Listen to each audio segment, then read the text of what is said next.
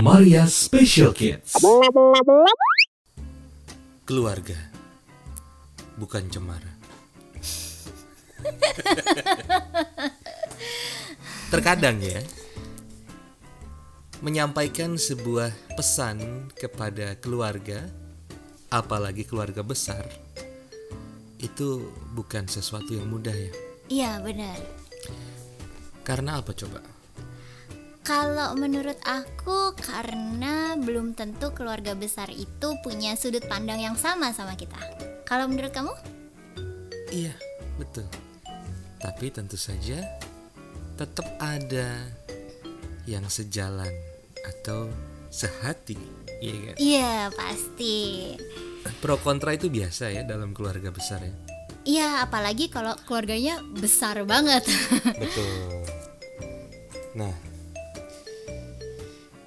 ini juga menarik ketika kita mau menyampaikan kepada keluarga besar, ya, tentang kondisi disabilitas anak kita, saudara kita, atau siapa pun. Ya terlebih anak kita sih ya, Iya benar. bukan hal yang gampang. Iya bukan hal yang gampang. Karena ya namanya ngasih tahu sesuatu yang awalnya kan kita kalau baru tahu pasti memandang disabilitas itu sesuatu yang negatif kan ya Yes. umumnya. Dan menyampaikan sesuatu yang negatif itu ya nggak gampang. Betul. Pasti kita punya pemikiran-pemikiran yang mungkin agak sedikit negatif. Aduh, jangan-jangan kalau aku sampaikan nanti aku diketawain, aku dimarahin, aku disalahin. Iya, aku malu, aku takut, ya kan ada Iya. perasaan-perasaan kayak gitu. Benar. Apalagi kalau kita udah tahu nih, udah kebayang bahwa di keluarga besar kita nih misalkan ada si eh, sepupu yang begini karakternya atau ada saudara yang begitu ya, yang kita udah tahu oh, ini orangnya emang eh, sudut pandangnya negatif cenderung begitu. Jadi itu jadi bikin tambah takut gitu. Tapi Betul. menurut kamu sebenarnya perlu nggak sih ngasih tahu ke keluarga besar? Perlu dong. Kenapa? Karena eh ya ada tahapan-tahapannya ya. Kalau kita eh, apa bersosialisasi pasti yang paling awal kita mulai adalah kita memperkenalkan kalau misalnya kita punya anak ya kan? Kita memperkenalkan kita ngepost foto anak kita di keluarga dengan harapan lahirnya anak kita ini bisa menambah dinasti. Kok dinasti? Dinasti. Terah. Mengisi pohon ya. mengisi pohon keluarga. Ya artinya harapannya mereka juga ikut berbahagia dong ya kan? Bahwa iya sih, bener sih. bahwa ada generasi penerus nih seperti itu. Tolong dong kita disupport didukung. Next suatu hari ketika anak kita membutuhkan bantuan atau siapa pun yang membutuhkan bantuan dari keluarga besar mereka akan mensupport. Ini kan harapan-harapan positif kan? Iya, tapi emang budaya kita gitu ya. Budaya kita tuh emang keterikatan sama keluarga besar tuh eh, erat gitu kan sebenarnya. Yes, yes, ya. Nah, begitupun ketika kita mempunyai anak dengan disabilitas, pasti eh, kita juga punya harapan eh, yang positif ya, terutama keluarga besar ikut bisa membantu, mendidik, mensupport, mem- mem- mem- mem- mem- lainnya lah. Iya. Tapi bener sih, kita pasti ya berharap kayak gitu. Karena kan lingkaran ke- terkecil kita kan keluarga inti Terus lingkaran yang agak besar, keluarga besar Baru kita masuk ke masyarakat kan. Sebenarnya teorinya gitu gitu. Iya. Tapi eh, memang faktanya ya ada orang-orang yang lebih dekat sama teman-temannya Daripada sama keluarganya gitu. Ada tetap yang kayak gitu. Cuman memang sih ya em, bagus loh kalau misalnya emang kita bisa cerita ke keluarga besar terus em, keluarga besarnya itu juga bisa eh, menyambut dengan positif gitu. Itu itu yang paling bagus sih. Karena gini kalau kayak kita misalkan diajak nongkrong sama teman-teman bisa kita kan bisa menghindar ya. Tapi kalau kita ada acara keluarga, ada saudara nikah, ada saudara ulang tahun, ada kumpul-kumpul pas hari raya, itu kan kita nggak bisa menghindar dari acara keluarga biasanya. Aku tidak bisa menghindar dari grup-grup keluarga di WhatsApp. Walaupun ada yang asik, ada yang enggak ya. Iya, iya benar sih. Iya kan? Iya kayak gitu kan. Jadi karena kita nggak pernah bisa menghindar dari acara keluarga, someday kita pasti harus membawa anak kita nih ke keluarga besar. Makanya emang sebenarnya perlu ngasih tahu. Aku pengen tahu dong. Mm-mm. Dong, Apa tuh? Dong dong ke dong. ketika pertama kali ya kamu diinformasikan, di announce ya kan Hah? di keluarga besar masih ingat gak sih? Enggak lah, itu kan aku Masih dari bayi ya? bayi. Tapi ada iya. ada ada cerita nggak sih bagaimana uh, respon atau reaksi atau bagaimana mereka mensupport ya? Kalau aku, aku kalau cerita tentang aku pribadi aku nggak tahu. Tapi aku kan punya sepupu ya Mm-mm. yang berkebutuhan khusus juga. Ya. Gitu.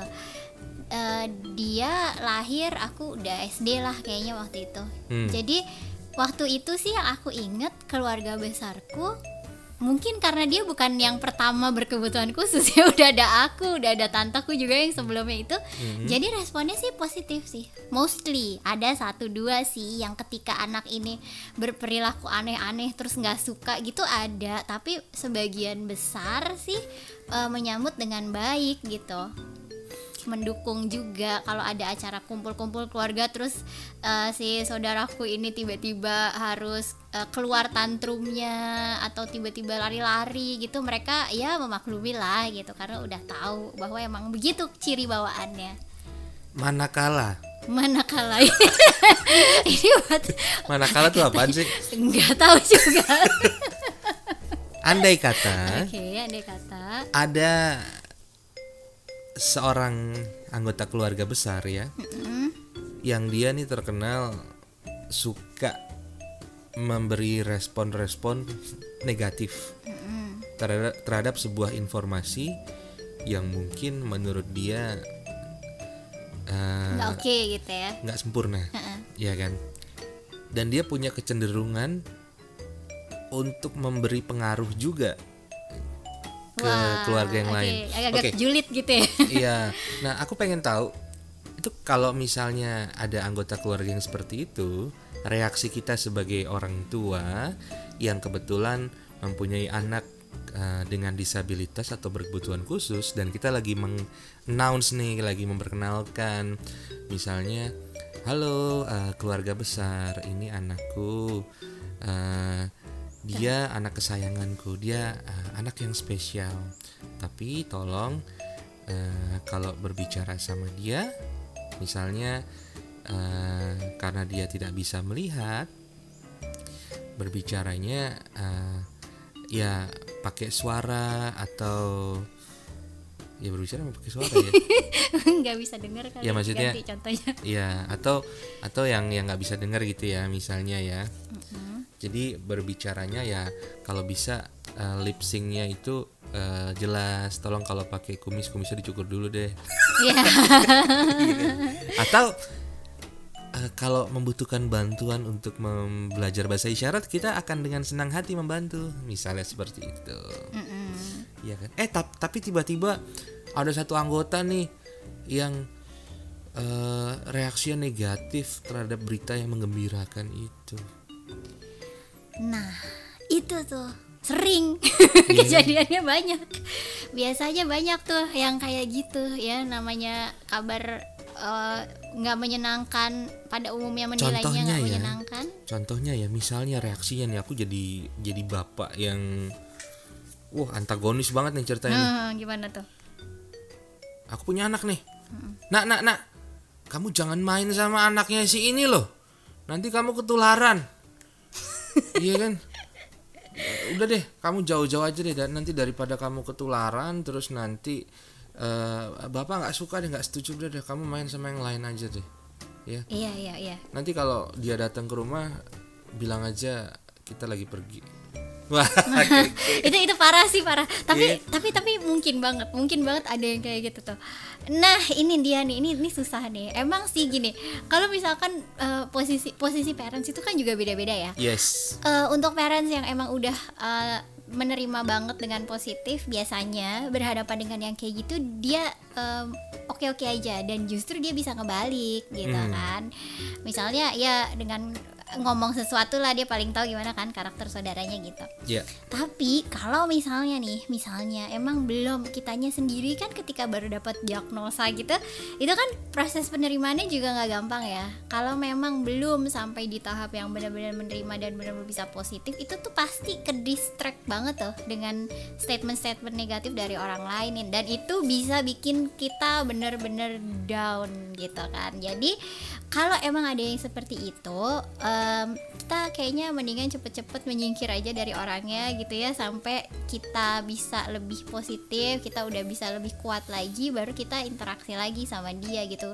Karena kalau dia selalu negatif, terus kita sering-sering ketemu, sementara kita sendiri masih berjuang untuk bisa sampai ke tahap penerimaan, itu tuh ganggu sih, ganggu bisa ngebikin ngedrop lagi ngedrop lagi gitu. Jadi kayaknya sih ya kalau memang memungkinkan kita bisa distancing aja dulu dengan orang-orang yang benar-benar negatif banget gitu. Karena itu juga selain dampaknya ke orang tuanya anaknya anaknya juga berasa kok gitu kalau respon dari lingkungan tuh negatif. Jadi ah, kita harus jagain kondisi psikologis anak-anak ini juga gitu. Iya betul. Terus satu lagi nih, nih eh, pernah terjadi sih ya di di keluarganya sahabatku. Jadi ketika ketika si anak yang berkebutuhan khusus ini dia mempunyai prestasi, misalnya ya, Mm-mm. dia tiba-tiba menang olimpiade apa misalnya atau dia dia sempat diliput karena eh, dia punya keahlian khusus dan dia menjadi inspirasi bagi beberapa orang gitu kan Mm-mm. terus dia mulai eh, beritanya viral gitu nah keluarga besar nih tiba-tiba jadi baik jadi dekat oh Iya sih? iya Nah, bener Padahal untuk bisa mencapai ke tahapan ini itu melalui tahapan-tahapan di mana mereka pertama kali harus disupport dulu. iya betul Nah, untuk tahapan awal ini biasanya ada beberapa yang pura-pura nggak tahu atau gimana. Nanti begitu udah dianggap sukses baru dideketin. Iya, ini nyebelin ya kayak gitu ya. Padahal kita butuh supportnya justru pas lagi masa-masa yang masih kecil tuh, yang masih Iya. berkembang gitu. Itu butuh banget loh, apalagi nih ya untuk anak-anak yang memang perlu uh, pola pengasuhan yang spesifik ya. Jadi kan ada anak-anak yang benar-benar harus konsisten tuh, yang terjadi di rumah harus terjadi di sekolah, harus terjadi di tempat terapi dan seterusnya gitu kan. Jadi itu perlu banget kerjasama, even sampai ke keluarga besar. Jadi kayak misalkan tiba-tiba ada acara ulang tahun sepupu gitu, terus ini anak uh, punya pantangan, nggak boleh gluten gitu kan, nggak Oh, boleh eh, kasein diet makanan itu Ah, ya? diet diet itu. Jadi dia nggak bisa makan cake, nggak bisa makan mie, nggak bisa apa yang ada susunya gitu kan karena Eh. alergi. Ya itu keluarga besar perlu tahu. Jadi ketika dia join ke acara keluarga itu, makan-makan misalnya ini ya, ha-ha, ulang tahun itu, ya jangan ditawarin gitu loh. Jadi om tantenya jangan nawarin kamu mau kue nggak gitu. Nah kalau anak-anak ditawarin kan pengen ya. Sementara kalau dia makan itu dampaknya dia bisa ya mulai dari gatel-gatel sampai hiperaktif tantrum. gitu. Heeh, sampai tantrum kan macam-macam efeknya jadi kenapa penting sebenarnya buat ngasih tahu karena ada faktor-faktor kayak gini ada hal-hal yang emang orang dewasa terutama ya orang dewasa di sekitarnya tuh perlu tahu supaya nggak salah treat. Karena ya ada anak-anak yang benar-benar sekali salah treat untuk memperbaikinya itu lama. Dan itu yang sering kali bikin orang tua itu jadi ragu untuk bawa uh, anak-anaknya tuh misalkan ke acara ke mana gitu. Karena takut lingkungannya itu salah mentreat gitu. Dan kan PR buat orang tuanya buat benerin polanya lagi. Iya betul. gitu. Jadi penting sih support dari keluarga besar itu penting banget. Jadi buat teman-teman semua ya kalau misalkan punya saudara gitu atau punya kenalan yang emang berkebutuhan khusus eh, please ya. Kita udah nggak zaman lagi tuh ya stigma stigmaan udah nggak zaman lagi tuh ngeliat-ngeliat negatif oh, anak-anak zaman now tuh orangnya lebih positif dan lebih menerima jadi yuk kita support Yes. Oke, Maria ada pesan-pesan untuk keluarga?